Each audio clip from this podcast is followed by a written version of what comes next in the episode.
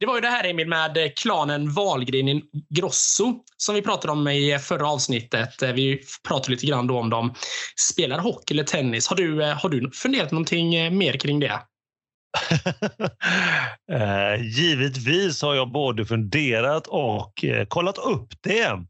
Eh, för som du vet och alla där ute är vi ju en podd med innehåll eh, så då vill man ju inte bara prata om vad som helst utan man Nej. vill också veta vad man pratar om.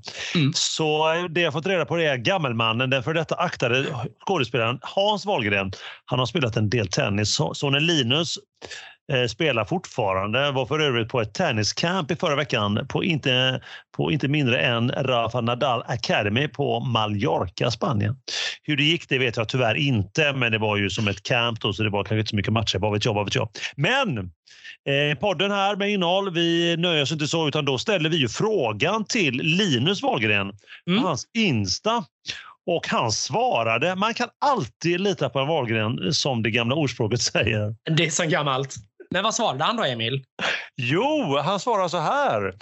Eh, ingen hockey, men mycket tennis familjen. Jag har spelat sedan liten, spelar och tävlar fortfarande. Kör veteran-SM och en del seriespel för klubben. Min äldsta brorsa Peter var rätt duktig som ung, tävlade också. Även farsan har kört lite gubbtennis som sagt. Ja, en liten smiley på det efter det. Ja, så Linus Wahlgren, all cred till dig. Det håller jag helt och hållet med om. Vilket bra svar. Verkligen, verkligen. Eh, jag har letat vidare också. Tim, vill du höra mer? Ja, men berätta allt. Ja, jag har också sett att Pernilla eh, Wahlgren, då, stora syster, mm. dotter till Hans och Kristina Skolin, hon spelar en del padel. Mm. Eh, tillsammans med bland annat Linus då, Wahlgrens, hans ex. Jessica Wahlgren som för övrigt strax ska gifta sig med Magnus Norman, den gamla tennisprofilen från 1990-talet. Jaha. Ja, det är bara mäktigt så mäktigt. Men ja, det är ju häftigt. det finns mycket tenniskopplingar i klanen Wahlgren Ingrosso. Men jag har inte hittat någonting angående Kristina Skolin, Bianca, Niklas Wahlgren, eh, Pernillas son T och så här, Ingenting om eh, deras spel på tennisbanan. Jag är imponerad att du kunde rabbla alla de namnen, men, eh, men kul att höra Emil. Det här lär vi ju säkert få följa upp eh, så småningom.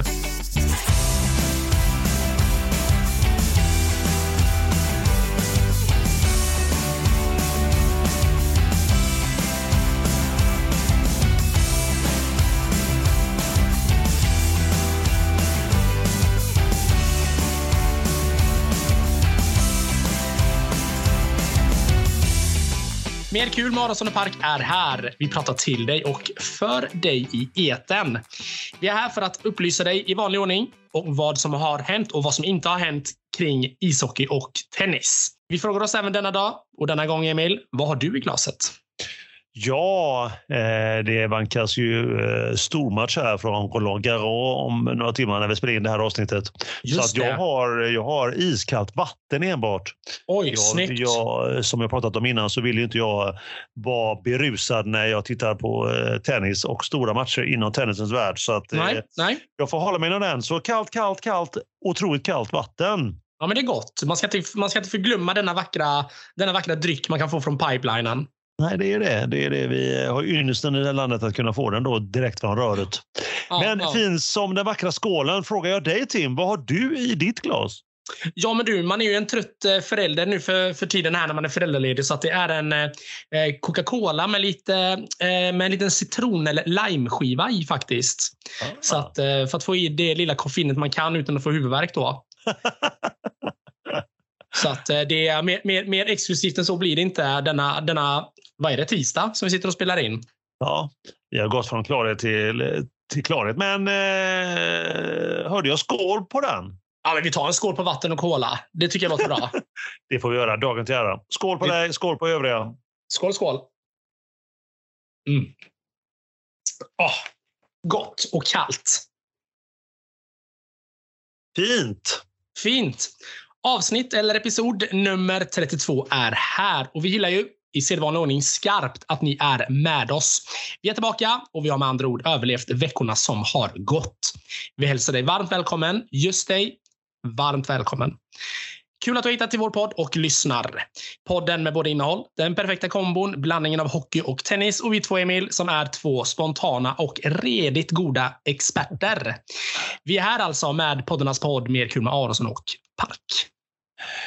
Just det, en fin inledning där Tim som vanligt. Men tack tackar, till alla ni som och tack till alla ni som hör av er.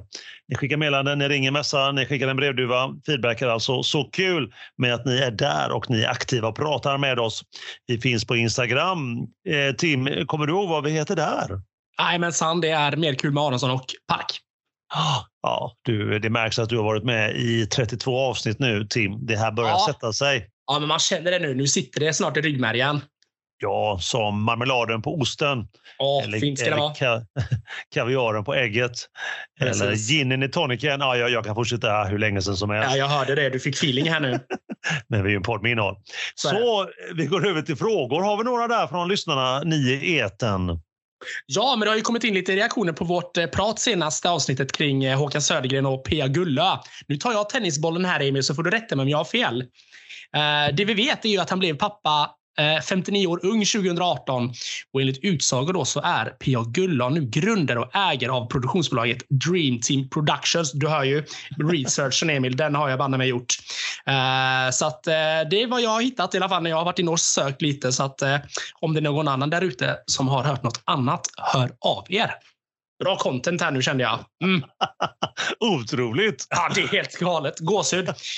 Men om vi lämnar den, den, frågan eller de reaktionerna där så går vi över till lite andra påståenden, Emil. Vad har vi fått in där?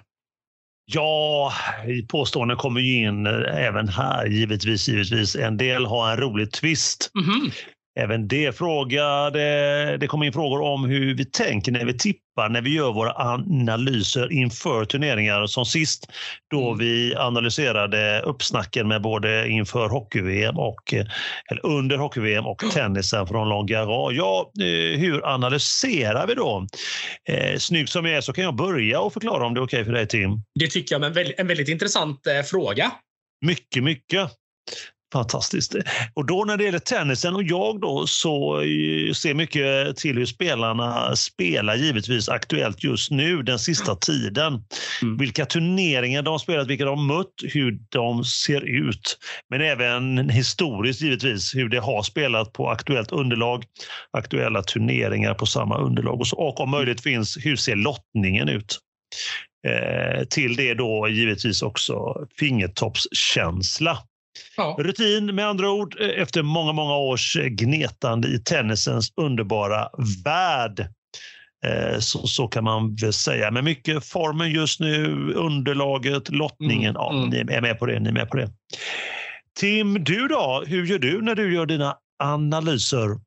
Ja, nej men jag tänker väl ganska mycket på, på, på samma saker som du kollar på det här frånsett underlaget. Då. Det brukar ju oftast vara detsamma. Det är ju inte så mycket grus i hockey. Um, så att eh, det är ju is de spelar på. Men jag brukar uh, försöka gå in lite grann och försöka jämföra trupperna som de har haft med sig. Det brukar ju ändå vara en ganska viktig del för att uh, man har ju personkemi med vissa spelare bättre och sämre med vissa andra såklart. Men jag försöker uh, som till exempel, som exempel inför VM-tippningen här nu då så gick jag in och kollade lite grann hur Finlands trupp har sett ut. Både till exempel i förra VMet, OS och VMet här nu igen. Och då ser man ju många likheter. Det är mycket samma spelare. Man har liksom en ryggrad. Och det, då vet man att då, då kommer det att bära långt. Och det gjorde det även denna gången utan att eh, spoila för mycket. Så att jag försöker att se lite grann på vad spelarna har för formtoppar. Lite grann över vad det är för spelare och hur den ser ut eh, och hur den har sett ut eh, ja, mellan eh, mellan vet du, de olika turneringarna. De svåraste lagen egentligen att, att, att få kläm på det är ju USA och Kanada. För där är det sån otrolig ruljans på på NHL-spelare som, som kan och inte kan. Och I OS till exempel så var ju inga NHL-spelare med i USA eller Kanada, för de fick ju inte. Så att det blir väldigt svårt att jämföra trupperna. Så att de, de blev ju ett litet wildcard det här VM som var i år, kände jag då, som ett exempel. Uh, men jag försöker hitta ut de eh, små, små fröna och se vad, vad, vad de har för trupper. Det brukar vara intressant. Se lite grann vad spelarna där har för statistiker och så. Ja, det ser man ju att det gör du också framgångsrikt, vilket vi återkommer till här om en stund tror jag. Ja, det, den här gången är jag nöjd. men jag tycker en skål på den. Ja, men det tycker jag absolut. Vi tar en skål på den. Eh, både vi två och även alla där ute i eten. Skål, skål! Skål! Vi kör vidare, eh, tycker jag, med ett ämne som vi som vanligt har döpt till veckan som gått. Yes. Veckorna som gått. Tim, är du redo? Redo att ge oss vad som har hänt i hockeyns eh, fina, stora, härliga, vidunderliga värld? Ja, men absolut. Och jag tänker att eh, jag tar väl, eh, tar väl och greppar tag i VM direkt. Och eh, visst tusan eh, satte jag nästan hela tipset, Emil, ändå. det får man verkligen säga. Du kan, väl, du kan väl gå igenom det så att man ändå hör hur, hur otroligt eh, nära och stort du gjorde detta. Ja, nej men absolut. Jag, ehm, jag var, ju väldigt, eh, var ju ändå väldigt säker på att Finland eh, de skulle ta guld. Eh, och Det gjorde de ju då med en finalserie mot Kanada som då tog silver. Det blev ju en dramatisk match där, där båda lagen egentligen följdes med, följde med varandra hela, hela matchen väldigt jämnt. Slutade faktiskt i sudden death där då där då Finland drog det längsta strået som faktiskt då första gången någonsin vinner VM på hemmais. Också väldigt roligt då för finnarna får vi ju säga. Ja, det är kul. Härligt, härligt. Ja, Sisu. Mm. Verkligen. Dessvärre så blev det ju inget eh, brons för Sverige. Vi rök ju redan i kvarten mot, eh, mot Kanada. Uh, och det blev istället Tjeckien som tog bronset. Uh, i en bronsmatch mot USA. USA då som jag hade tippat fyra. Så tre av fyra rätt Emil och tre av fyra lag i topp fyra. Det, det är jag ändå väldigt nöjd med. Ja, det kan inte många så kallade experter där ute tagit in, utan det gjorde ju du. Så att en eh, stor skål och, och grattis till både Finland och dig då, Tim. Ja, men tackar, tackar. Ja, men vi tar en skål på det. Det är trevligt. Ja, givetvis. Skål. Mm. Ja, och för att eh, följa upp det här VMet lite mer då, så var det ett fantastiskt hockey-VM som, eh, som spelades i Finland, i Tammerfors och eh, Tampere. Det var väldigt, väldigt bra eh, arrangerat måste jag säga. Eh, bra med folk på matcherna och man kände verkligen att det var god stämning hela tiden. Sen bjöd det här VMet på väldigt många skrällar. Och skrällar gillar man ju ändå. Eh, eller vad sägs om till exempel Danmarks vinst mot Kanada? Oj! Ja, det, det var en riktig skarp efter full tid dessutom. Och när, när Danmark tog den här segern så innebar ju det att eh, Kanada var ju utanför topp fyra i gruppen, vilket, som, vilket krävdes då för att man skulle kunna gå vidare till slutspel. Så att eh, Kanada låg ju riktigt pyrt till där ett tag, men eh, men, men nu så gick de ju nästan hela vägen ändå. Men det var väl egentligen den mest anmärkningsvärda eh, matchen. Sen hade ju Lettland hade ju också någon, någon skön vinst där. Så att, ja, nej, det var lite skrällarnas VM. Det kändes som, att, eh, kändes som att alla lag kunde slå alla, förutom Kazakstan och Storbritannien. Då. De hade ju inte en suck. Eh, Kazakstan tror jag dessutom hade fått platsen nu då, i och med att Ryssland inte var, var med. Ja, just det. Ryssen, eller vitryssen. Och då kom Storbritannien med in och spelade hockey. Så att, eh, ja, nej, så det har varit ett, eh, det var ett väldigt roligt, eh, väldigt roligt VM så sett. Mindre roligt för, för svensk del då, som redan åkte ut i kvartsfinalen mot Kanada. Eh, hade väl någon känsla att det skulle bli tufft att slå Kanada även om, även om vi kom tvåa i gruppen och Kanada kom fyra. Det är ju alltid svårt att slå i... Alltså det, man kände att Kanada ändå skulle kunna repa, upp, repa detta och ta sig vidare. Men, eh, men när Sverige ledde med 3-0 efter två spelade perioder, Emil, då hade ju mer eller mindre jag i alla fall eh, tagit ut eh, segern till Sverige. Och att man nästan började titta lite grann vilka möter vi i semin. Men det, det skulle man ju absolut inte ha gjort. Med tanke på att Kanada kom ikapp där i tredje perioden och smällde in 3-3 i slutet av den tredje perioden där de hade tagit ut målvakten. Även Sedan om blev... ja, Pentriconer hade tagit ut segern känns det som. Ja, det kändes lite så. Det, var ju, nej men alltså, det är svårt att förklara vad det var som hände. Sen så uh, när det blev sudden death då så uh, tog även uh, William Nylander som annars var väldigt fin och såg väldigt bra ut. Tog ju en mindre bra utvisning och då tog det inte lång tid innan det ringde så att säga för, för kanadensarna och då gick de vidare där och skickade hem Sverige. Och då var det också Johan Garpenlöv, eh, landslagstränarens sista uppdrag eh, eller sista match för Sverige. Han har ju valt att eh, hoppa av uppdraget här nu och istället så kommer ju Sam Hallam att komma in. Och Det tror jag kan vara nyttigt, för Sam Hallam blir ändå en, en helt ny röst. Eh, Johan Garpenlöv har ju ändå varit med i Tre Kronor eh, innan han blev huvudtränare själv. Han stod ju på som assisterande tränare då, tillsammans med Rickard Grönborg. Så mm. han är ju en röst som ändå har varit med ett tag. Men nu tror jag banne mig att det är dags för en helt ny röst. Och Sam Hallam blir ju en helt ny röst. Uh, så det, det ser jag väldigt, väldigt mycket fram emot. Han har ju en, de har ju inte sett uh, minst under hans tid i Växjö. Han har ju en helt annan spelstil och jag tror att han han jobbar mycket mer med kollektivet som jag tror är kanske och borde vara mer vägvinnande än vad Garpenlövs eh, strategi har varit. Det har varit lite struligt och rörigt stundtals tycker jag. Mm. Uh, han har, de har ju kommit långt, men de har aldrig nått uh, liksom, stora bragderna med Gar Garpen i, vid rodret. Och det har ju faktiskt varit rekorddåliga uttåg här nu de senaste åren, både i OS och VM här. Så att uh, vi ska inte åka ut som Eh, Eh, vi ska inte åka ut en kvartsfinal, så är det bara. Och vi ska absolut inte åka ut när vi leder med 3-0 i en match.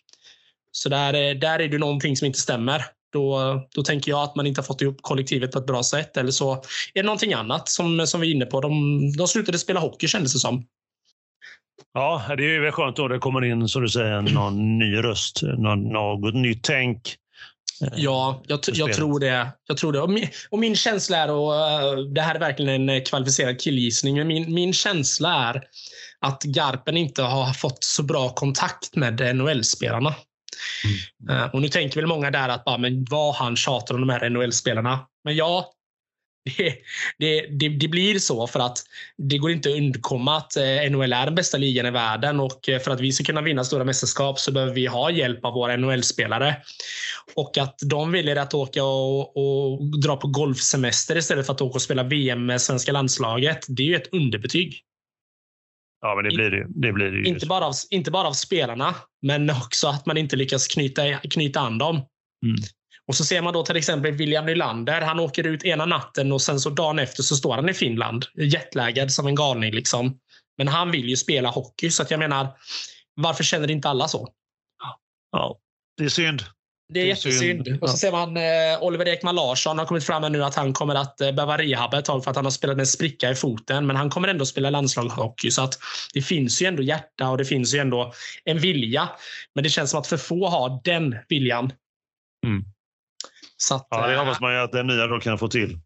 Jag hoppas att Sam Hallam eh, kan få till det. Men, men som sagt, jag tror att han är helt rätt eh, person i, i landslaget. Absolut. Uh, men jag tänker att vi kanske knyter ihop hockey-VM där lite grann, Emil. Det var ett uh, jättetrevligt VM. Uh, nu slickar vi såren och så låter vi Sam Hallam få för sig in sig långsamt här nu i, i den här nya kavajen. Och så får vi se vad det tar, tar vägen här nu i framtiden. Hur spelar man? Spelar han eller gör man så att han kommer in med en gång? Eller det finns inga turneringar nu antar jag förrän till hösten tidigare så att han kommer han in då eller hur är det, ja, hur är det tänkt? Du? Ja, men exakt. Nej, men det är ju, han kommer väl in nu direkt. De byter väl av och nu börjar väl han sin scoutingprocess och, och börjar väl att kolla lite grann. Men, men det är inte jättemycket hockey som spelas just nu så att han kanske har lite semester han också, Sam Hallam. Uh, tänker jag.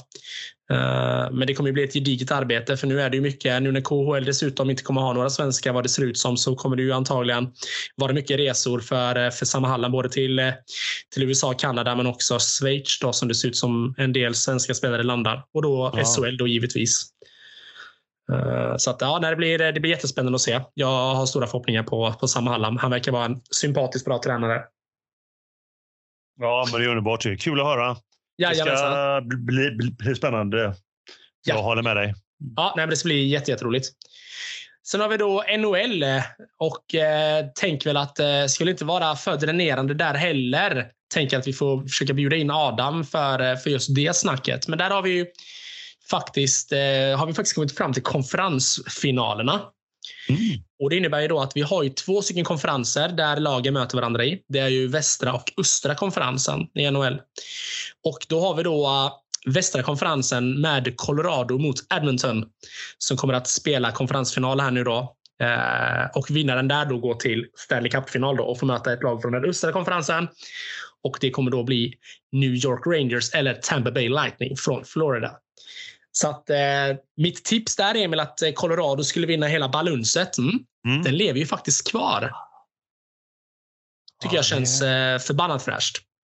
Ännu en gång Tim, ännu en gång. Ja, jag tänker inte ta ut någonting i förskott här. De, de chokade och åkte ut förra året Colorado när de var segertippade. Så att, men det känns som att de är en maskin just nu.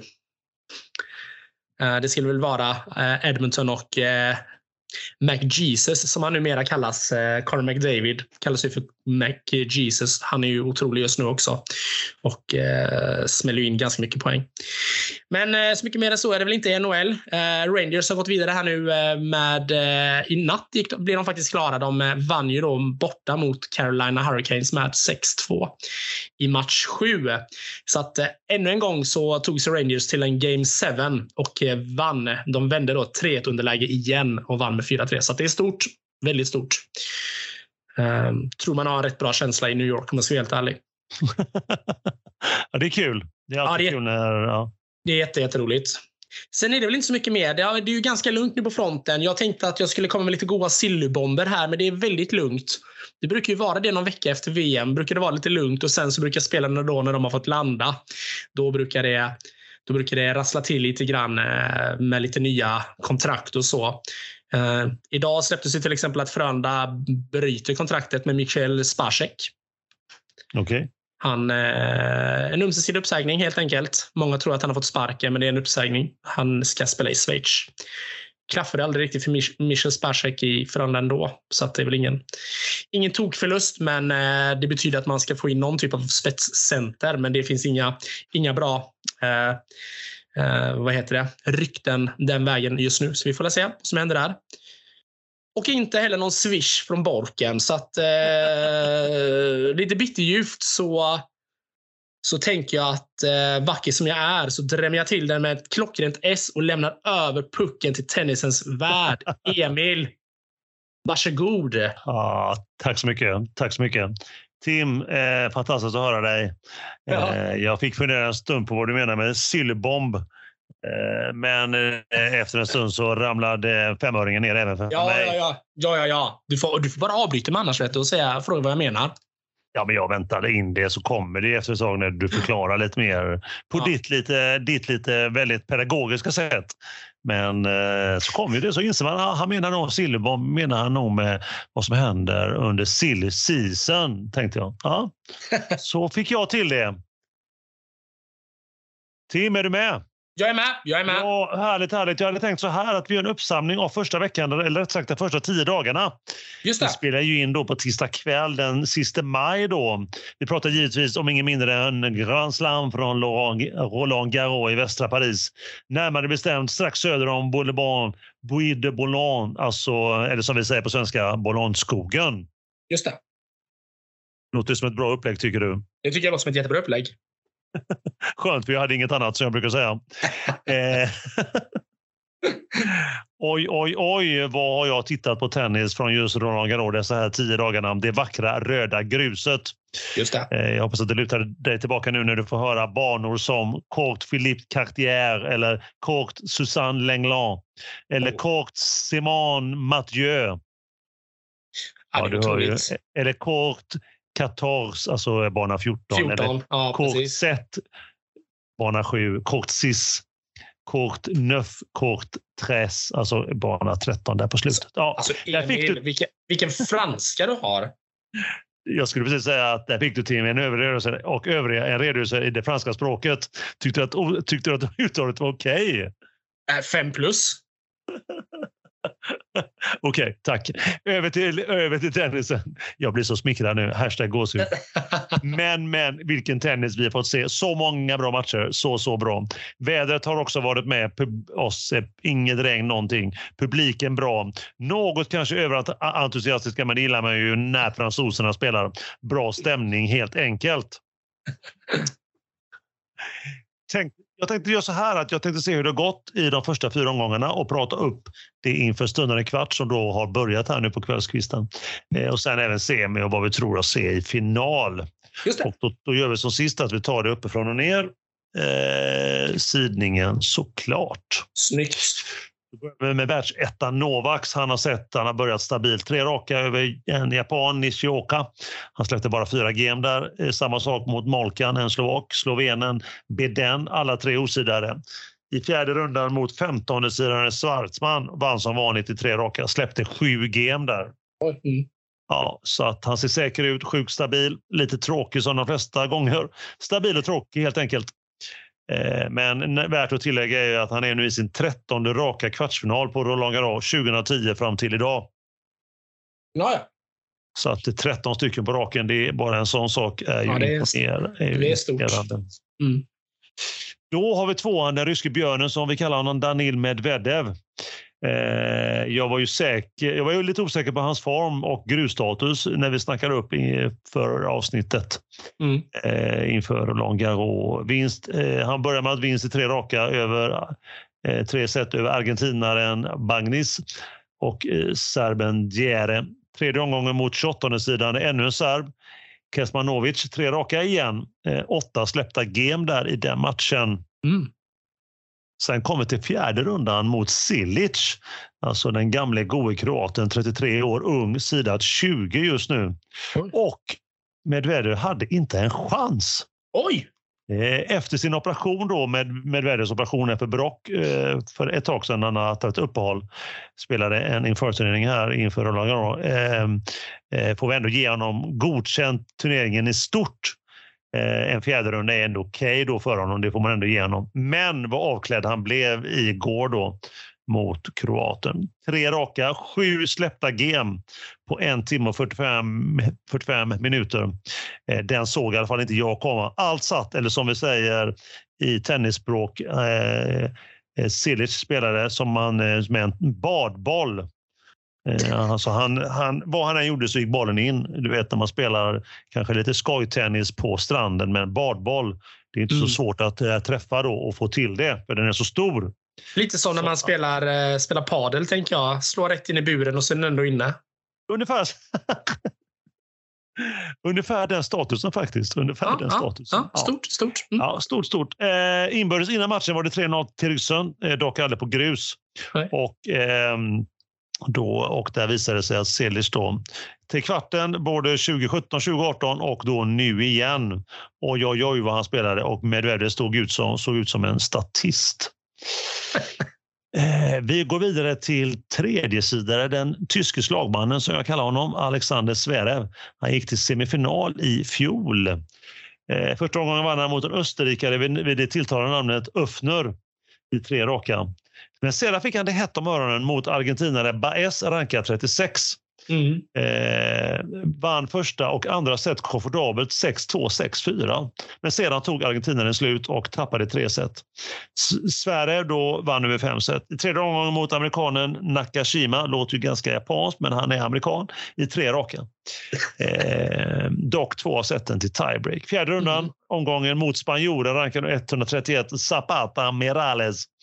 Eh, som pressade den hårdslående tysken. Mm. Eh, men till slut eh, vinst med eh, 7-5, nej 7-6, 7-5, 6-3.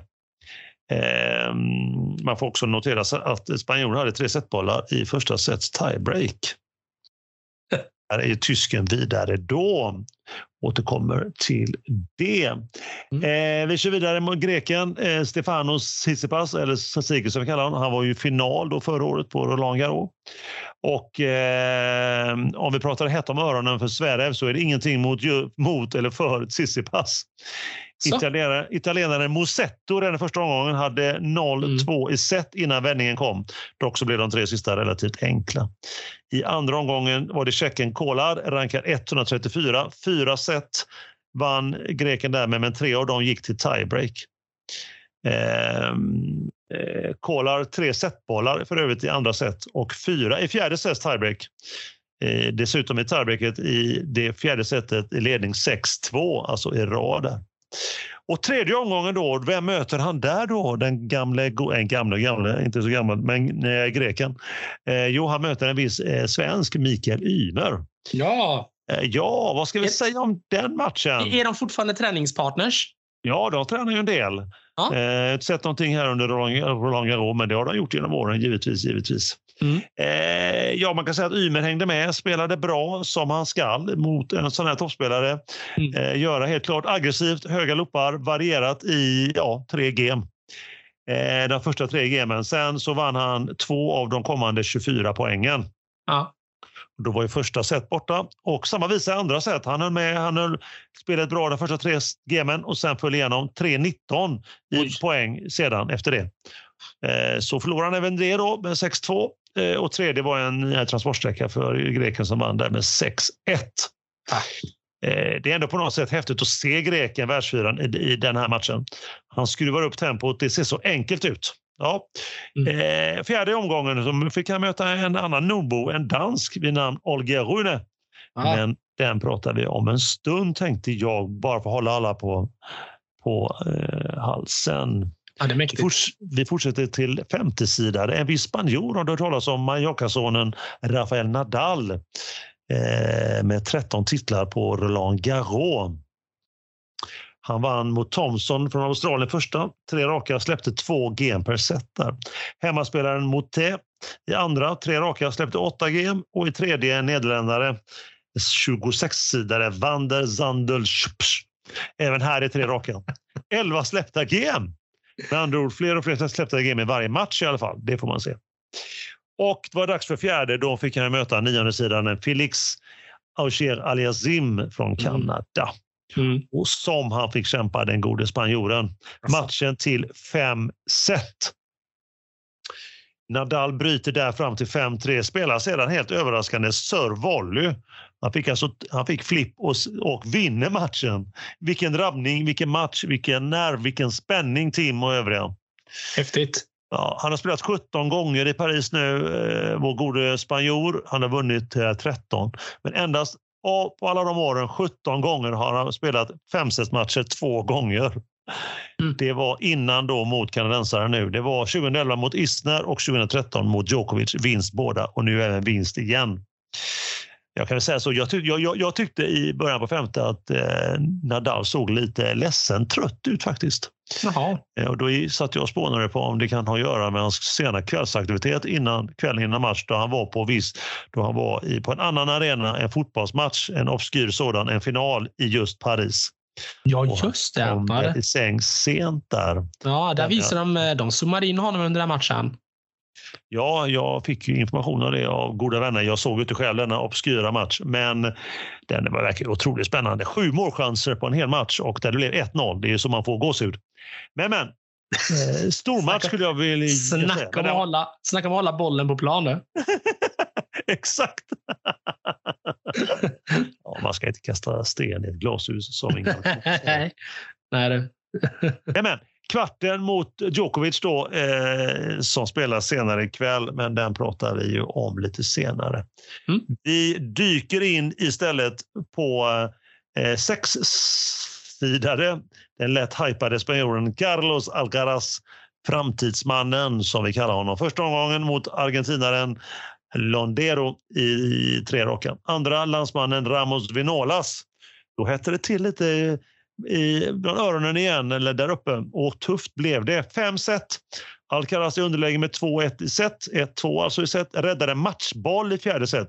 Vinner det tiebreak. Hamnar i underläge i femte set med 0-3 innan han vänder till 6-4. Mm.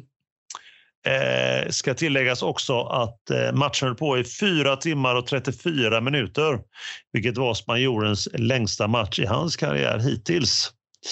Tredje rundan, Tjeckien 27 sidor Korda, vinner i tre raka stabilt där. I fjärde, ryssen Khachanov, eh, sidat 21, tre raka även här, nio släppta gem. Och kvarten då, precis avslutad faktiskt, mot tredjesidare eh, Zverev, den hårdslående tysken alltså. Och eh, nu kan man väl säga så att de första två sätten, verkligheten kom ikapp den unge spanjoren.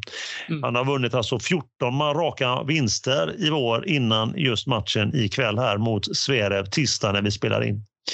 Och den tyske slagmannen satte stopp för Ah. just, eh, just eh, ungtuppen Alcaraz.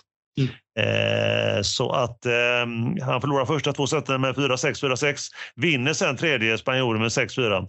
Men sen efter setboll, får, får tilläggas, i, i tiebreaket i fjärde så förlorar han där med 7-9. Mm. Eh, får lägga, ni minns väl också kanske för tre veckor sedan drygt i Masters i Madrid så vann ju eh, spanjoren och då tappar han bara fyra game där under, under den eh, finalen. Men eh, hur som helst, hur som haver, otroligt imponerad av den spanska unge herren. Eh, hur han rör sig, hur han slår till bollen och vilket psyke han verkar ha. Och sedan till det verkar han ju vara en hyvens kille och sånt går ju hem i den arosocialska världen. Sånt gillar ju jag. Fina sportsmän och kvinnor, det går alltid hem. Det brinner man för. Ja, hashtag eh, Alexander Zverev. Nej, skoj, nog eh, skojat om det. eh, det finns andra, eh, ursäkta språket, eh, rötägg där ute. Men, men, vi fortsätter. Vi så går vidare till den Så du uttrycker dig? Eh, ursäkta språket. Ursäkta språket. ja, det blir ett, nu, ja. nu, nu, måste jag lägga till ett explicit på den här avsnittsdelen. ja, jag, ja det, får, det får bli det. Det var värt det för att eh, Sverre, han är ingen favorit hos eh, herr Emil Aronsson. Om Nej. det har undgått någon. Nej, då, men, men, det har inte undgått. Eh, vi går vidare till en annan kille som inte står högt i kurs hos mig. Eh, ryssen, sjundesidade Andrei Rublev. Eh, han gick eh, för övrigt eh, för kvarten, hans bästa resultat för två år sedan. Mm. Första, andra och tredje omgången över fyra set. Osidade spelare vann han eh, alla de tre omgångarna. Fjärde omgången mot Jack Sinner elftesidad italien, italienaren som ni minns honom, vi har pratat om honom en del. Eh, mm. unga killen, även ungtuppen där. Eh, helt klart den bättre spelaren var italienaren. Han vann första med 6-1.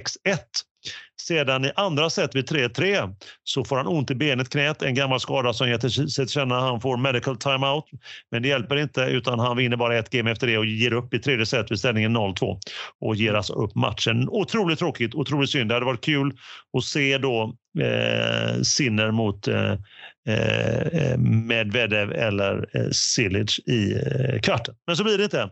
Istället blir det då eh, Rublev mot eh, Silic, men det tar vi om en liten stund. Sista sidaspelaren vi ska nämna det är åttan, Norrbaggen som vi kallar honom, Kasper Ruud. Mm. Han har gått i tredje omgången tre gånger, 19, 20, 21. Tre år på raken. Eh, han börjar med att eh, säga hej då till den avskedade hemmaspelaren, avtackande Tsonga. Över fyra set, tre av dem till tiebreak, så nu har Songa, den gamle fransosen, lagt eh, racket på hyllan. Tre raka sen mot en annan nordbo, finnen Rosovori. Eh, och eh, då inser man alla att hans personliga är slaget. Han går förbi tredje rundan. I fjärde, italienaren Sonego. Fem set, vände här 1-2 i set, kom på radet i tre set. Och fjärde rundan då, jag sa alltså Sonego till den var i tredje. Och i fjärde rundan nu åttondelen, över fyra set, över tolfte sidan, den polacken Hubert Urkash. Så nu är han då vidare från fjärde omgången till just det kvart. Jag får också nämna några ord om eh, Jack, Jannik Sinner då. Eh, ungtuppen, italienaren, elfte sidan. Mm. Mm. Och det var tråkigt att han skadade sig för jag, eh, ja, det kunde blivit något spännande och stort där men han lär ju komma tillbaka. Han är inte så gammal. Jannik eh, som vi vet. Jag vill, jag vill nämna ytterligare en, en dansk ungtupp, en dynamit från Danmark som jag nämnde kort förut. Holger Rune, ja. eh, som vi också har nämnt ibland i den här podden. Eh, han gick igenom de första tre omgångarna utan setförlust. Rankad på plats 313 för ett år sedan. Nu är han 40 innan denna veckan och han kommer ju stiga en del placeringar för att han är inte klar ännu. Han tappade sedan ett set i fjärde rundan mot eh, Mikael Ymers överman, världsfyran Sissipas. Så sjukt imponerande, så orädd kan sitt spel. Han litar fullt på det och bara spelar ut. Helt utan respekt. Så Holger Rune, har ni inte lagt den danska dynamiten på minnet ännu så är det dags för dig Tim och övriga att göra det. Ja men verkligen. Så är det. Jag har nämnt redan, eh, jag tänkte nu gå över till kvartarna. Jag har nämnt en redan som är färdigspelad. Svere mot Alcaraz som jag nämnde ja. för en liten stund sedan och då vann ju där Svere. Vi har en kvällsmatch ikväll, tisdag när spelar in det här. Inget minne än drömmatchen som den kallas mellan Novak Djokovic och Rafael Nadal. Inbördes är det 30-27. 57 matcher till Djokovic. Eh, 18-19 8-19 på grus ska tilläggas. Mm. Alltså till Nadal. Då nio första där är rad för Nadal innan eh, Djokovic lärde sig spela sig på grus, som jag brukar säga. Knäckte koden. Och de möttes ju för ett år sedan i den eh, hypade och eh, match som eh, få glömmer. Semin förra året eh, just på Roland Garros, då vann ju serben över fyra set. Och jag ska till en tippning. Jag tippar ikväll att eh, eh Novak vinner. Eh, eh, tror eh, fem set senast då eh, mot Asher Aliasim för eh, den gode den gode spanjoren. Och eh, det såg inte riktigt fräscht ut. Han var ju skadad innan, eh, som ni också minns. Så att, ja, jag tror att det blir uttåg ikväll för Rafael Nadal i kvarten redan och då Novaks vidare till semin. Då har vi första semiparet där då Novak Djokovic mot Alexander Zverev. Eh, andra kvarten, Nordiska mötet. Vem kunde tro det då innan turneringen mellan Rud, Rud och Rune? Eh, här har Rud 3-0 i inbördes möten. Jag tror faktiskt eh, eh att Rud är den som har mer rutin, större kunnande i stora stund. Alla tre då har han vunnit och hittills också Rud på grus senast i april i Monte Carlo. Så där tror jag på norrbaggen som Eh, vi kallar honom. Mm. Eh, men man kan räkna ut Rune. Vi får se. Vi får se, vi får se.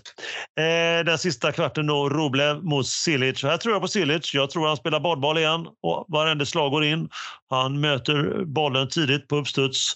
Han är inne i ett gott stim nu. Inbördes möten dock 4-2 till ryssen. De har mötts en gång på grus, men det var 2015 ja. för sju år sedan och då vann Silic. Semi då alltså mot, eh, mellan Novaks och Zverev eh, respektive Rud mot Silic.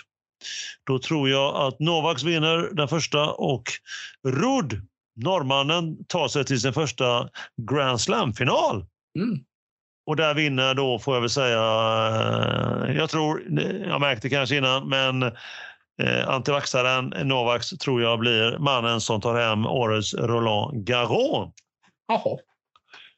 Det var sammanfattning på det. Svensk-Karlen Mikael Ymer har vi nämnt. Eh, han vann nu två matcher på Roland Garros. Det får vi ändå säga är godkänt. Samma, ja. som, för, samma som förra året. Till tredje omgången innebär att han tappar inga rankingpoäng heller. Eh, så att eh, det får vi ändå säga efter hans miserabla vår här med inte en vinst på 6-7 turneringar så får vi säga att det är ändå godkänt. Mm. Eh, äldre brodern Elias då Eh, han kvalade in till, han kvalade inte alls in, han förlorade första omgången. Ut omgående i, Roland Garros och spelar nu en Challenger denna veckan i Prostero i Tjeckien. Mm, mm. Eh, dubbelmannen André Göransson spelade med japanen Ben Machlachlan, som jag kallar honom, I, på Roland Garros och förlorade första omgången mot andra sidan. Tuff lottning. Dina favoriter? Mektis och Pavic. Ah, det, eh. Mektis, han hade jag nästan glömt. Det, alltså det är ett fem plus-namn alltså. Ah, du, hör, du hör ju, här går jag igång alltså. Ja, det gör kroaterna. Så Sverige möter för övrigt Davis Cup här i, ja. i gruppspelet till hösten. Ja, det är så, så mäktigt. Det är inte klokt. Då lär vi prata om Mektis och Pavic igen. Ja, Mektis. Jag hade ett par saker till faktiskt, om du har tid. Ja. Ja, vi har en otroligt otrolig rolig historia. Scenen är din. Vi har ju pratat om eh, veckans Novaks innan kanske. Eller hur var det i januari, februari, mars när klanen Novaks själv höll på i och runt Australian Open och slagmannen Tyske Sverige svingade med både rack och händer. Jo, vi kallar det för morgonens dubbelfel om ni minns. Eh, och nu får vi ge detta pris till Novaks pappa Zerdan Eh, i maj månad. Eh, för nu har han, eh, pappan, han eh, älskar ju för övrigt verkar det som att ta till sig uppmärksamhet och så har det väl varit länge. Då undrar vi väl alla, vad har han nu gjort eller sagt? Jo, vi får egentligen dra tillbaka klockan nästan fem år, sommaren 2016. Eller fem år säger jag, det är mer än så. Det är ju sex år, då en viss Roger Federer fyllde 35 år. Då sa den gode, eller var det den onde, Serdan Djokovic, varför fortsätter Roger att spela nu när han fyller 35? Jag förstår det inte. Alltså en fri översättning från eh, serbiska. Det blir ännu roligare att, för att i veckan som gick så eh, blev det en snackis på grund av att hans egen son Novaks fyllde, ja just det, 35 år. Och han spelar ju som bekant eh, vidare och fortfarande. Hashtag ha ha ha tyckte jag var otroligt roligt. ja, jösses alltså. Ja. Ja, Ja. Vad, ska, vad, ska, vad ska man säga om klanen eh, Nej, alltså det är som Djokovic? cirkus. Det är som, ja, det är som cirkus hela tiden runt den gängen. De Inte- in- inte-. Nej, nej inte, inte speciellt mäktigt all, alls tycker jag. Jag har, jag har en grej till om ni orkar. Eh. ATP, alltså organisationen kring de flesta turneringarna, de har gått ut med att de inte kommer att dela ut några rankingpoäng under nästa Grand Slam, Wimbledon, eh, om en månad. Eh, alla poäng från i fjol kommer då att försvinna med andra ord. Detta på grund av att Wimbledon har valt att bannlysa spelare från Belarus och Ryssland. Om detta står fast kommer det dock innebära så kommer rankingen då kastas om ganska tvärt ordentligt på vissa håll och kanter. Bland annat kommer vi få en ny världsetta efter Wimbledon. Eh, ja, och det blir ju då ryssen eh, Danil Medvedev. Undrar om det var tanken hos ATP? Det är min fråga. Mm. Ah, vad tröttsamt. ja. Vad säger man? Vad säger man? Eh, men det var allt. Ja, det var allt för tennisen. Tim och övriga.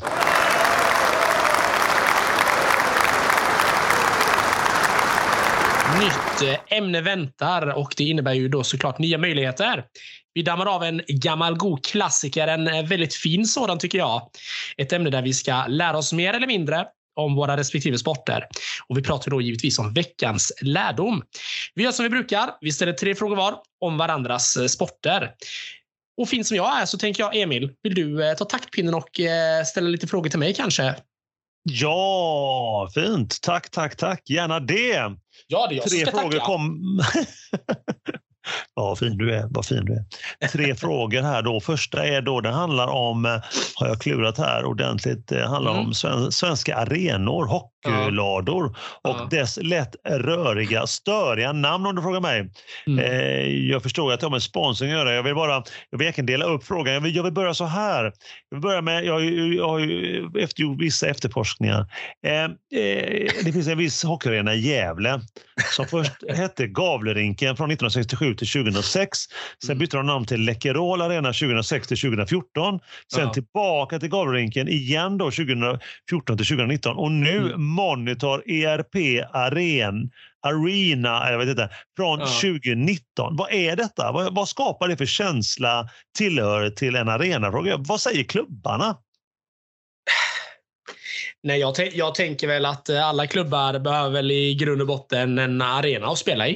Uh, det, det är inte så mycket att, att snacka om. Uh, men vad jag har förstått det som så köpte ju också uh, Brynäs ut eh, kommunen som ägde arenan Gavlerinken då fram till 2006. Eller 2005 snarare så köpte man ju ut kommunen från arenan och renoverade densamma för eh, ganska många miljoner vet jag. Mm. Eh, och då i samband med detta så döpte man då arenan till Läkerol Arena.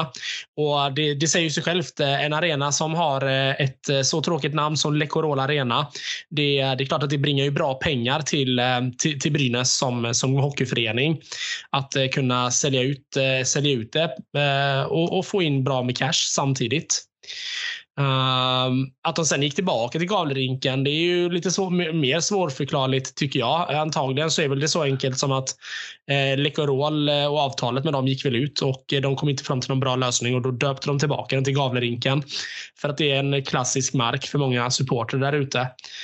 Uh, och sen då återigen så döper man eh, arenan till eh, Monitor ERP Arena och jag säger som jag sa senast, men vi pratade om den här, det här namnet. Det, det, känns, det, luk, det luktar ju bluff och båg kring det här Monitor ERP. Vad är det liksom? Alltså, jag är hundra, nästan hundra på att de håller på att tvätta pengar inne i arenan. Alltså det, det är sånt otroligt. Alltså, aldrig hört talas om företaget. Nej, men skämt, skämt åsido. Det, det inbringar ju kanske inte någon superduper känsla kring, eh, kring arenan, arenan så sett. Men uppenbarligen så är också Brynäs det enda laget i hela SHL som inte har eh, tröjsponsorer på sina tröjor. Och då tänker jag, Mm. här får vi in bra med deg antagligen då från eh, Monitor ERP. Ja, vi, vi får få ett uppdrag där. Vi får nog kolla vad de gör. Ja, Monitor men, ERP. ja, jag känner det också. Jag känner det också. Ska inte kasta dem eh, under bussen alls så mycket. Men, eh, men, det, men, något, men det, det är klart, det, man eh, rycker ju ändå på ögonbrynen för man vet ju att Eh, man vet ju att eh, tröjsponsorer inbringar ju extremt mycket pengar till lagen. Så är det ju. Eh, det har ju de sagt flera gånger i lagen att de kan inte ta bort dem för att då, då hade de inte haft råd att spela i princip. Uh, och gör man då matten, då måste det ju vara så att Monitor ERP, de uh, sponsrar nog en ganska bra slant.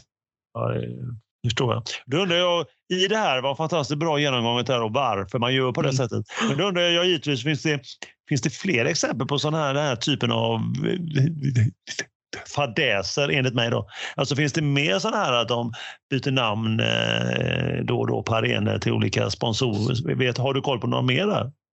Ja, men eh, där har vi väl bland annat eh, Linköping, ett Cloetta Center. Ja. Ett tag. Den heter nu Saab Arena. Saab? Den heter Saab Arena och det är inte så konstigt å andra sidan för att, eh, för att den eh, Saab ligger ju precis som Cloetta ligger ju i Linköping. Mm, mm. Så att det är ju ändå kan jag ändå känna är ett ganska rimligt namn. Det är klart, men Saab känns ju inte sådär... Den är inte, men alltså det är... nytt och fräscht och så. Det känns inte som nyskapande. Saab känns det... som bilar som inte tillverkas längre. Det är min bild av Saab. Men, pre, ja. pre, precis, precis. Ja, I Linköping så verkar det som att Saab har en annan typ av eh, verksamhet. Det är väl eh, mycket eh, högteknologiskt de håller på med där ute. Men jag förstår ja, precis vad du menar. Det är ju ja. inte... Alltså det är, för att eh, citera en gammal skribent, det rycker inte i baguetten när man hör de här namnen. Det gör det ju inte. Det är ju extremt eh, anmärkningsvärda namn. Uh, Eh, Modo hade ju också en arena som hette Swedbank Arena först. Eh, när den byggdes. Eh, sen hette den Fjällräven Center fram till 2021. Och nu heter den Hägglunds Arena. Uh, Timrå är väl också ett sånt uh, praktexempel. Deras arena har väl också bytt namn hundra gånger. Uh, ska se, den, har, den har haft ännu fler namn. Den hette Timrå Isstadion först. Sen hette den Sydkraft Arena till 2005. 2005 så hette den Eon Arena. Eh, 2015 så gick de tillbaka till Timrå stadion. Körde det ett år. Eh, och nu heter den NHK Arena. NHK? NHK. Ah, ah, det... Så att, eh, nej, N, ja, NHK och nu heter den NHC. Så att, ja, nej, men det, det, är inga, det är inga toppnamn. Det är det inte. Det skapar ju inte någon, någonting, något, någonting för arenan känner jag. Nej, det gör det, gör det ju inte. Nej, men det, jag, håller helt, jag håller helt och hållet med dig. Man är ju lite... Men Göteborg är man ju också lite bortskämd kanske då med att det har varit Skandinavium i alla dessa år. Men å andra sidan så, så bringar ju det in lite andra eh, problem så att säga. Men eh, ja, nej, men så det är väl så. Det är väl så där. Det, det är inga toppnamn på, på alla arenor.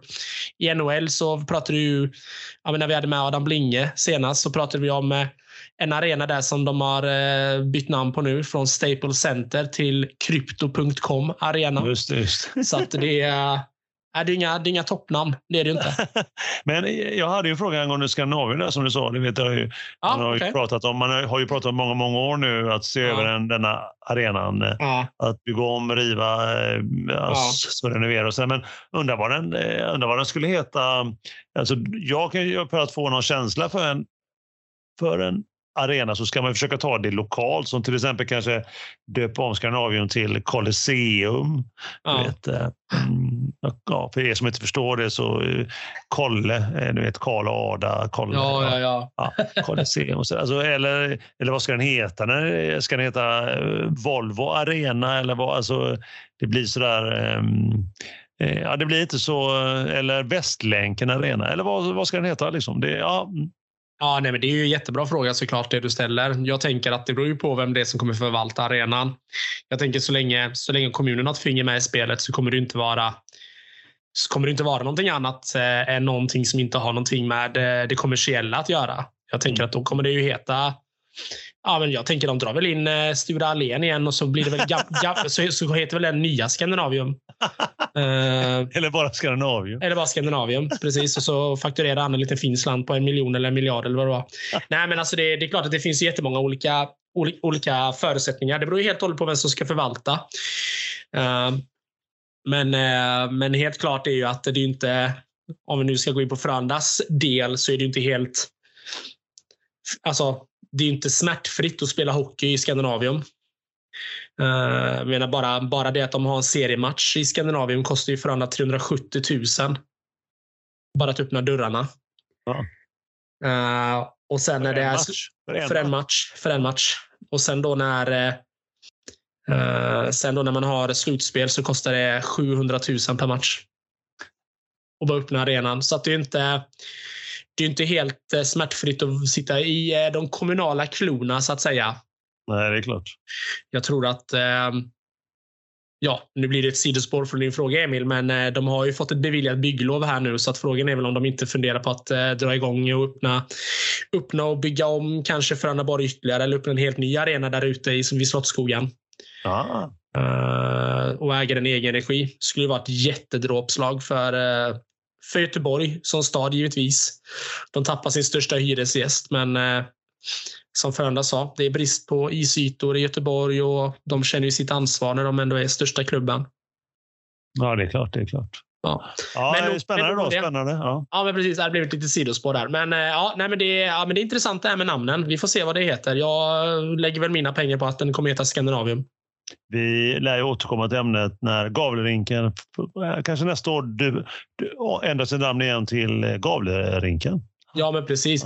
Bara en kul eh, sid, ett sidospår här igen. När de hade utomhusmatch för några år sedan, eh, Brynäs. Tror de spelade, vilka spelade de mot då? Var det Leksand kanske? Då, då spelade de upp en utomhusarena då tillfälligt. Vet du vad de döpte den arenan till? Gavlerinken? Nej, Gävlebocken arena. Ah, snyggt. Det är coolt. Mm. Ja, Gävlebocken, det, det känner man ju till med, med Gävle. Ja, ja men precis. Mm. Mm. Ja, eh, jag, har ju, jag har ju förut pluggat i Gävle. Eh, väldigt bra content. Väldigt bra content. Ja. Men, bra, bra redogörelse som vanligt Tim. Som alltid när man ställer en fråga till dig så får man inte bara ett svar, man får också sidospår. Det gillar jag. Jag älskar det. Ja, ja, ja, ja. Men jag får hoppa över för, för, för, för lyssnarna ligger nog på här och vill höra fråga nummer två. Just det. Vi var på tvåan. Tvåan kör vi vidare på. Det ska införas hockeytacklingar i, i damhockeyn har jag läst om. Ja. Kommentarer på det? Bra, mindre bra? Vad tycker du? Äntligen, säger jag. Ah, skönt. äntligen. Nej, men så, här, så här är det, eller så här resonerar jag. Att många har ju alltid under årens lopp sagt att damhockey är inte som herrhockey. Om man nu får säga så. Jag ber om ursäkt om det är någon som tar illa vid sig. Men om man jämför de två olika, de två olika könen så, så blir det ändå att det har varit väldigt tamt att kolla på damhockeyn. Eh, och det är ju det de också oftast har fått kritik för. Att eh, de får inte tacklas och det, eh, ja, men det går långsammare och man får bara gå in och låsa. Man får inte tacklas. Nu har de ju världens chans här att kunna liksom reparera eller ta tillbaka intresset här nu från folket som tycker att det är lite för, för lamt helt enkelt. Jag tycker det är en otroligt fin möjlighet här nu som, som damhockeyn får i och med att man ändå har det här på prov nu och ser om det funkar eller inte. Och jag tror inte varför, varför går man in med inställningen att eh, damerna inte skulle klara av att tackla varandra? Eller vad, vad alltså jag, jag hade velat vara med och höra resonemangen. För mig, är det helt, för mig är det helt sjukt att man liksom kan... Ja, men det, ja, men alltså jag förstår inte varför man inte har samma regler eller samma förutsättningar när det är samma sport. Men det är väl underbart. Det är väl underbart att man nu tar ett steg, även om det är på prov då, så är det väl fantastiskt. Ja, ja, men, alltså, ja men det är jätte, jättehärligt. Men det är, samma, alltså, det är samma som om de skulle byta ut tennisbollen i tennis för damerna och låta dem spela med en skumboll. Ja, ja. Ja, hur kul hade det varit att titta på? Men alltså,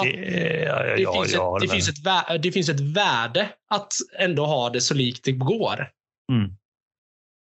Det är ju som, eh, det är som tennisvärlden. Det har varit en, en diskussion flera, flera år om det här i de stora turneringarna, de, ja. stora, de stora Grand Slammen när ja. herrarna spelar fem och damerna tresetare. Just det. det har ju varit en diskussion eh, länge, länge, länge. Ja. Mm, mm. Och eh, de har ju samma prispengar och samma Eh, samma ranking och så eh, har de ju haft i flera, flera år nu. Men eh, själva längden på matcherna är olika, då har det diskuterats. Så, så läser jag nu om längdskidåkning, att de diskuterar att de ska ha längre lopp för damerna. Och så. Mm, mm. Det finns ju diskussioner menar jag som de, ju, som de nu tar ett steg längre då i, i, i hockeyns värld. Så det är kul, det är bra. Det, det, är, det är jätteroligt tycker jag att man ändå, ja, men som de säger, de vill ta in det på test. Och Jag tror inte det kommer vara mer skador alltså för att man tacklas. Utan det handlar ju fortfarande om att man måste ju vara beredd att ge en tackling. Man måste kunna vara beredd att ta en tackling. Och alltså det handlar ju bara om att man, att man lär barnen i tidig ålder att tackla rätt. Det är det det handlar om. Eller ungdomarna kanske man ska säga. Jag vet inte hur långt ner det, det går i åldrarna innan man får tacklas. Men, men jag tror ändå liksom att eh, själva budskapet går fram. Jag tror att det här är jättebra och jätteviktigt för att eh, deras eh, ja, men damhockeyns varumärke ska stärkas. Mm. Mm. Jag tror det är superviktigt. Ja, det är bra. Det är bra. Ja, jag så, ja, men det blir jätteroligt. Jag har hört så himla konstiga eh, argument till att man inte ska ha tacklingar i damhockeyn. Och, och det, jag köper dem inte. Nej. Det är jag inte. Så att det är jätteroligt. Jätteroligt. Jag hoppas verkligen att det blir, att det blir bra. Att man, eh, att man ser någonting positivt ut av det här. Ja, det hoppas jag med. Det ska bli kul. Vi lär ju återkomma i, här i podden som vi brukar säga. Ja, givet. Fråga nummer tre. Fråga Yes. nummer tre. Yes, De yes. skriker på mig nu. Ställ fråga nummer tre hör jag i mina öron. eh, det kan vara det kalla vattnet kanske som nu har Ja. stigit för långt upp. Ja. Jag vill gå in på återigen, jag vet att det är ont i hjärtan, många hjärtan där ute och även ditt Tim, ett Mm. Tre Kronors tidiga uttåg just avslutar hockey som du nämnde Ja. för en stund sedan. Ja. Och nu in med en ny förbundskapten. Mm. Vad tycker du att han ska fokusera på? Ändra spelidé? Du har varit inne lite på det för en stund sedan, men jag vill ändå ställa frågan här igen. Mm. Då, alltså, vad tycker du, om du ska nämna någonting du tycker att han ska, han ska fokusera, ändra på? Eh, nej, men jag, jag, eh, då svarar jag på tydligt ledarskap. Jag tror, att, eh, jag tror att alla spelare mår bra av att ha en eh, förbundskapten som man dels känner förtroende för, men också som har tydlig, tydlig roll, eller alltså, har en tydlig idé över hur man vill spela hockey i svenska landslaget. Man ser så pass sällan att det är viktigt att det liksom är utpräglat redan från början hur man vill spela. Och sen då givetvis så blir det ju samtidigt att han måste ha bra Eh, bra kontakt med, med spelarna. Så att Sam Hallam har ett gediget arbete framför sig här nu med att ta kontakt med dels alla spelare som finns runt de olika ligorna. Eh, som jag var inne på förut, både USA, Kanada, Sverige, Schweiz och Finland och vad de nu kan tänkas vara. Och liksom bygga broar direkt här nu. Och förklara så här tänker jag spela hockey. Så att de känner suget att när säsongen är slut, då ska vi spela VM. Så är det. Inga konstigheter. Så att, eh, det tror jag att han behöver lägga fokus på. Mm. Kul! Spännande att se hur det går då. Eh, Det är väl en, jag antar att det är lite i turneringar under hösten och sen våren och sen nytt VM om ett år antar jag. Ja, precis. precis. Kul att se hur det går. Det är några år kvar till OS ju. Så, Så är. Fyra, Det- fyra år kvar så att jag, vet, inte- jag vet inte vad han har skrivit på. Nej, men han, nej, men han, han har väl skrivit på. Jag vet inte hur långt han har skrivit på när du säger det. Jag får nästan kolla upp det. Så att det är spännande att se om han, hur, många, hur många år han får på sig. Ja, För nuvarande kaptenen var väl där ett tag så att eh, både biträdaren som du sa och eh, ja men exakt. i exakt. huvudrollen. Ja, det känns ju nästan som att man har ett livstidskontrakt tills man inte får vara kvar längre. Det är nästan så det känns. Mm. Jag vet inte hur länge man skriver kontrakt. Mm. Nej. Eh, ta, annars får man väl ta tillbaka eh, Leif Borg kanske. Men, men Ja. det är en annan, annan diskussion i en annan, eh, annat avsnitt. Eh, får vi ta då. Men eh, det, det var det som jag hade. Så vad sägs om att lämna över till dig Tim? Och dina frågor, om du har några frågor om tennis som du kanske har grubblat och funderat på och vill dela med dig av. Jo, men absolut. absolut. Jo, men jag har suttit här och verkligen eh, stött och blött och eh, verkligen försökt hitta, hitta bra frågor. Och En fråga som, eh, som jag tänker jag vill börja med lite grann, det är ju att eh, det har ju varit väldigt mycket fokus och vi pratar ju till exempel om Zverev, eh, slagmannen, över hur han beter sig. Så det har varit mycket fokus på upprörda spelare den senaste tiden och deras beteende mot just domarna. Och någonting som jag upptäckt att vi kanske inte har pratat så mycket om, det är ju om det finns någon disciplinnämnd. Eller vem är det som tar beslut om en spelare ska bestraffas när de inte beter sig, både på plan eller mot domare eller vad det nu kan tänkas vara. Mm. Eh, ja, man tror inte att det är sant, så, men det gör det. Det Ja. finns en disciplin inom organisationen ATP. Okej. Org, org, org, organisationen då är ju spelarnas egna som styr och ställer över herrarnas proffstour. Just det. Eh, tar tillvara manliga professionella tennisspelares intressen som det så fint heter. Eh, de bestämmer bland annat om och i och kring tävlingar, hur det ska arrangeras, rankingpoäng etc. Och de har då som sagt en eh, disciplinnämnd, eller så kallad disciplinnämnd som jag brukar säga lite syrligt. Eh, de, alltså, organisationen i sig då och eh, de vill ju värna om spelarna och leds då av spelarna. Mm. Eh, dock så är de ju otroligt, det blir väl också att det blir väldigt flat, alltså det är väldigt flat. Vilket, Mm. vilket visar sig gång på gång på gång. Det gäller alltså doping, och mm. de åkte fast på olika innehav och det blir typ att du får tre månader. Alltså, där andra skulle få typ två år, alltså andra sporter och sådär. Alltså, eh, de blir knappt avstängda. Det, de säger saker, de slår på domare, skriker. Som nu Sverre senast när han måttat fyra, det slår fyra slag mot huvud, mm. huvuddomaren och hans fötter. Liksom. Och Roblev häromdagen när han han slår till en boll, han är arg så han slår till en boll och så bollen rakt in i hans bakom sig så den flyger rakt på en, en någon, så, någon, någon funktionär så bollen Just slår till, så slår till kepsen på honom. Ja, men den såg jag. Han höll på att blåsa av huvudet på den stackars ja. killen där. Ju. Han, som tog, han, gick och, han gick och krattade sand eller, eller drog gruset för att eh, ge honom en bra spelyta och så höll han på att blåsa av huvudet på honom. Ja, helt helt, eh, helt ja. makalöst. Ja, och så verkar det också vara, tyvärr, även om ingen säger det, ju högre ranking du har desto mer får du göra på, på något sätt.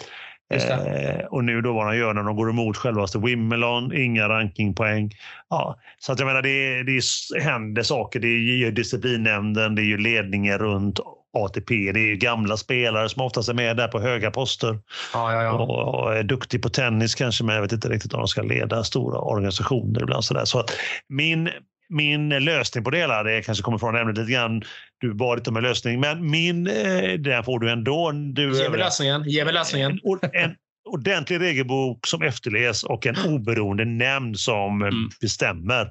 Ingen, mm, ingen liksom, eh, inga, inga så jättenya idéer kanske, men gör detta liksom så att det blir ordning och reda och att organisationen ATP kan tas på allvar.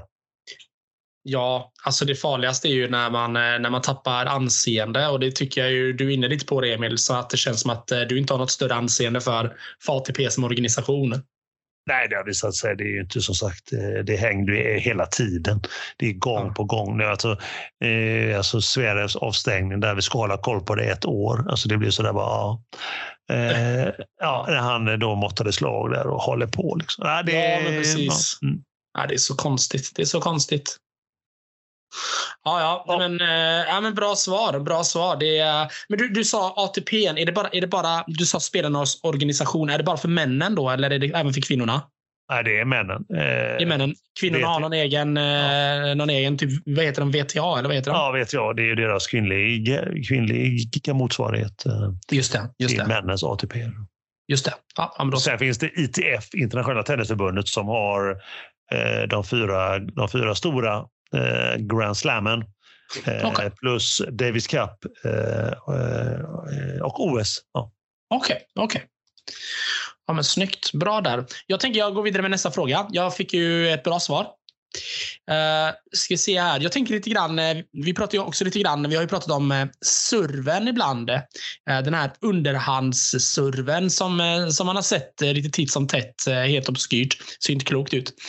Men någonting som slog mig, det är ju att de slår ju alltid surven på på diagonalen i tennis. Måste man göra det eller kan man lägga den på samma sida? Eller hur, hur funkar det egentligen? Ja, det är ju diagonalen, alltså snett då. Man måste alltid stå snett. Ja, du börjar alltid på din, eh, din forehandsida. Du får stå på, på den sidan, servelinjen. Ja. Bakom, bakom avslutningen på din forehandsida. Så då ska du slå över till alltså motståndarens forehandsida. Då. Okay. okay. Eh, och du, det, det, det. Sen men hur du slår över den, det får du göra som du vill. Som du säger, underhandserve. Du kan börja med en backhand om du skulle vilja det, eller en forehand. Eller uppifrån, eller då underhandserve, eller nerifrån. Den får inte studsa dock innan. Mm, mm. Eh, du får ju, när du har tagit den i handen så får du inte studsa igen innan du slår tillbaka den utan den ska lämna handen och sen bli en serve. Liksom. Mm, mm, eh, och då är mm. alltid två servar, eh, det första och andra, andra serve. Så att så är det ju. Så är det ju. Men diagonalt måste du, måste du göra och börja alltid på forehandsidan. Just det, just det. Jag tänker lite grann fråga tre här. Det går ett fasligt tempo här nu, men jag tänker fråga tre, Hawkeye. Ja!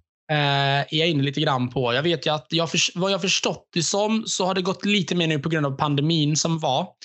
Så jag har förstått att det har blivit lite mer digitalt. Men vad är egentligen Håka och hur många gånger får egentligen spelarna använda det? Hur, hur fungerar det nu för tiden? Håkan, Håkan kom ju till att eh, man vill ju få ordning och reda på allt tjafs när det gäller, gäller linjedomarna. Eh, Håkan är ju en mängd olika kameror utsatta som filmar linjerna. Mm. Eh, informationen från de kamerorna behandlas i en dator om man ska, eh, och eh, ut kommer ett resultat om bollen var inne, alltså då, om den var på linjen eller innanför, eller ute. Mm. Då, mm. som den avgör. Och, ehm, och den fanns först då, när det kom här för några år sedan, så kom det då. Den, den används ju på de, på de, de flesta underlag. Mm. Eh, 99,9 procent, tror jag, 99,7 eh, är mm. den, den, den till, tillförlitlig.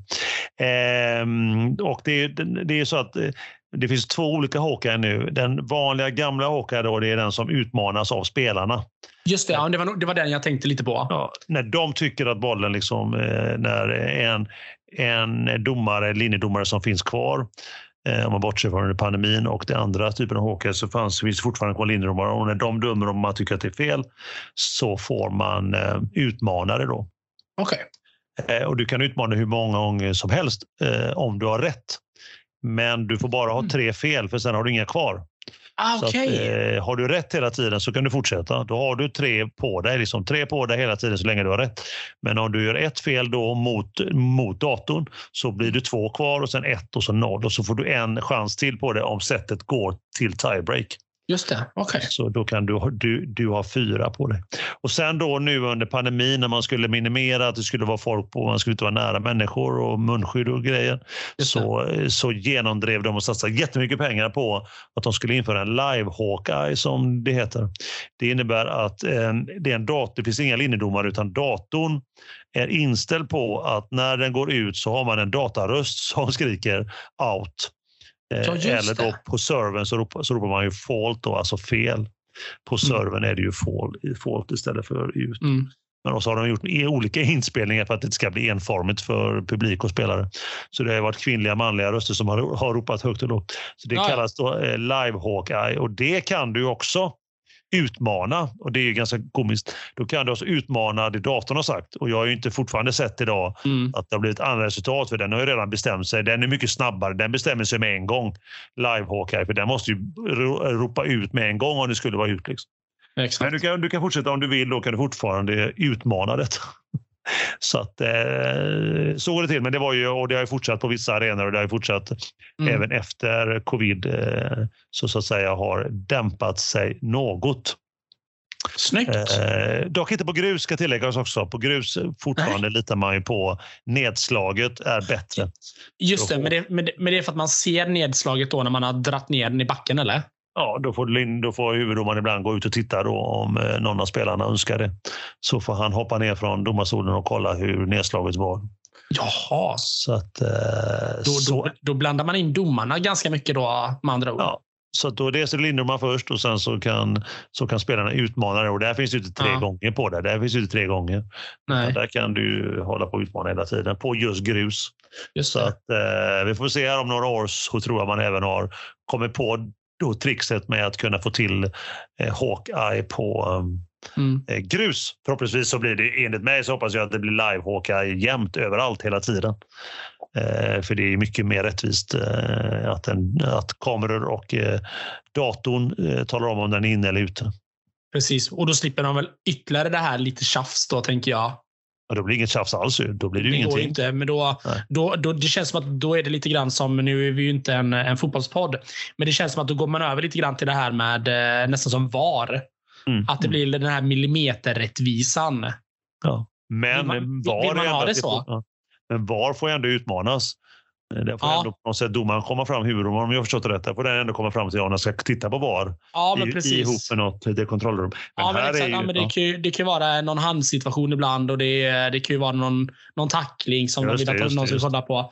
Men jag menar, mål är ju alltid mål, för där har de ju, där har de ju en annan teknik, till exempel i, i fotbollen. Då. Men, det, uh, men det är ju, ja, återigen, det är ju skitsamma. Det är ju inte, det är inte fotboll vi pratar om, det är ju ändå tennis och hockey.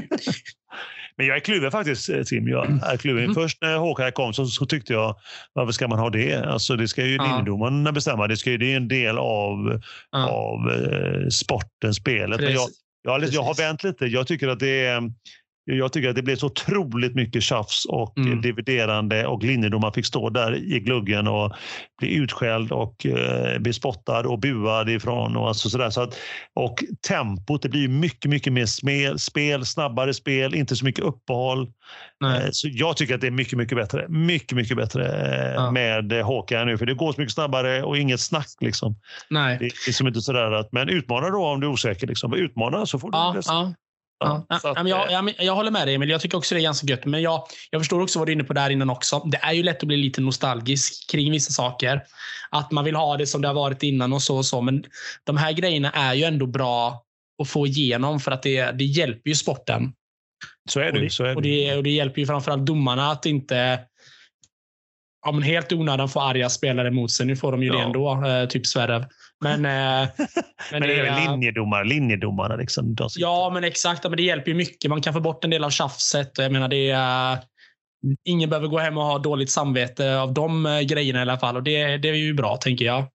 Ett litet, ett litet sidospår som jag har reagerat på länge nu, det var att ja. under covid så införde man ju också, det här är ju ett sidospår nu, nu lämnar vi hockey för en stund. Ja, eh, men det är att man numera får ju spelarna hämta och lämna sina handdukar själv och lägga dem i korgar ut med mm. En på mm. varje sida har man varsin korg. Och vad lite de svett, torkar av svett mitten nu för tiden mm. om man jämför med hur det var efter varje poäng mm. när, linje, eller när, när bollkallarna fick springa med handdukarna fram och tillbaka, höger och vänster, hit och dit. Ja. Men nu, händer, nu, torkar de av, nu torkar de av svetten max en gång per game. Liksom. Ja, sen också tycker jag, jag, jag kan ju tycka det, bara för att eh, fortsätta på ditt sidospår då Emil. Jag kan också tycka det är lite intressant det här med att någon lite, något litet stackars barn ska springa runt med en idrottsmans svettiga handduk. Jag tycker det är så ofräscht och inte klokt faktiskt faktiskt. Ja, ja det är så. Det är så. Det, är så och det var liksom snack om det. Det var ATP. Och det måste vara så. Måste kunna ha den servicen. Och så. Sen kommer covid och man inser att nej, covid, nej, men det här är inte bra ur covid. Vi tar bort den. Och sen, så, sen så inser man gud vad bra det blev. Vad vi sparar tid och vad mycket snabbare det blir. Det blir, blir mycket bättre, bättre produktioner på tv. Det går fortare. Alla är nöjda. Eh, matcherna går fortare. Etc. Det blir lite mer effektivt, effektivt om man säger så på samma sätt som hockey. Det går snabbare, effektivare. Och man, mm. har ju pratat, man har ju brottats länge med att tennismatcher, man vet aldrig hur länge de håller på. Mm. Så, så, så femsetsmatcher kan vara, eller bäst av fem set, till exempel nu då, Roland Garros kan vara en timme upp till mm. fem timmar. Liksom. Alltså det, är ju, det förstår man ju, det är hopplös tv-produktion till exempel. Ja, ja, ja. Alltså, sådär, hur länge ska vi sända? Det blir mellan en och fem timmar. Det blir ju sådär hopplöst. Ja, nej, men alltså verkligen. Ja, sådär, så då är det och då göra allt för att uh, gör allt för att det ska bli en effektivare eh, match. Liksom. Mm. Ja, det var ett sidospår från Hawkeye. Uh, jag hoppas att du, fick, du gav det någonting. Ja, men absolut. absolut. Ja, men du gjorde det jättebra. jättebra. Det var ju de tre frågorna jag hade, Emil. Så att, eh, snyggt jobbat. Grymt. Ja. Än, ännu en gång ett, eh, ja, men ett mycket intressant ämne. Det är ju kul att vi eh, fortsätter att eh, lära oss så mycket om, eh, om våra respektive sporter. Så mycket lärdom och ja, som ni vet, mycket content. Det gillar vi. Och nästa avsnitt, ni vet ju, två veckor tar det. Avsnitt episod nummer 33. Dubbeltrea skriver vi då. Och mm. säsongens sista, vårens sista, så notera det. Vi är tillbaka torsdagen den 16 juni. Då dyker vi upp som alltid och pratar om det vi kan, Tim och jag. Med andra ord hockey och tennis. Vad annars? Vi är ju en podd med innehåll. Då kommer vi bland, er, bland annat summera Roland Garros, helheten alltså, och snacksar upp även sommaren. Ja, snyggt. Men vad säger du Emil? Ska vi eh, nöja oss där? Du, eh, känner du dig nöjd med dagens eh, avsnitt kanske? Ja, jag är nöjd. Jag är nöjd. Vilken sammanfattning av hockeyn och vilka, vilka lärdomar vi har fått ta till oss av. Ja, mäktigt. Jag håller med. Jag säger detsamma om tennisen. Bra mat i genomgång och även bra svar på frågorna. gillar jag. Då säger vi ta hand om dig där ute, ta hand om kärleken. Ha det gott nu allihopa. Ha det gott. Hej hej.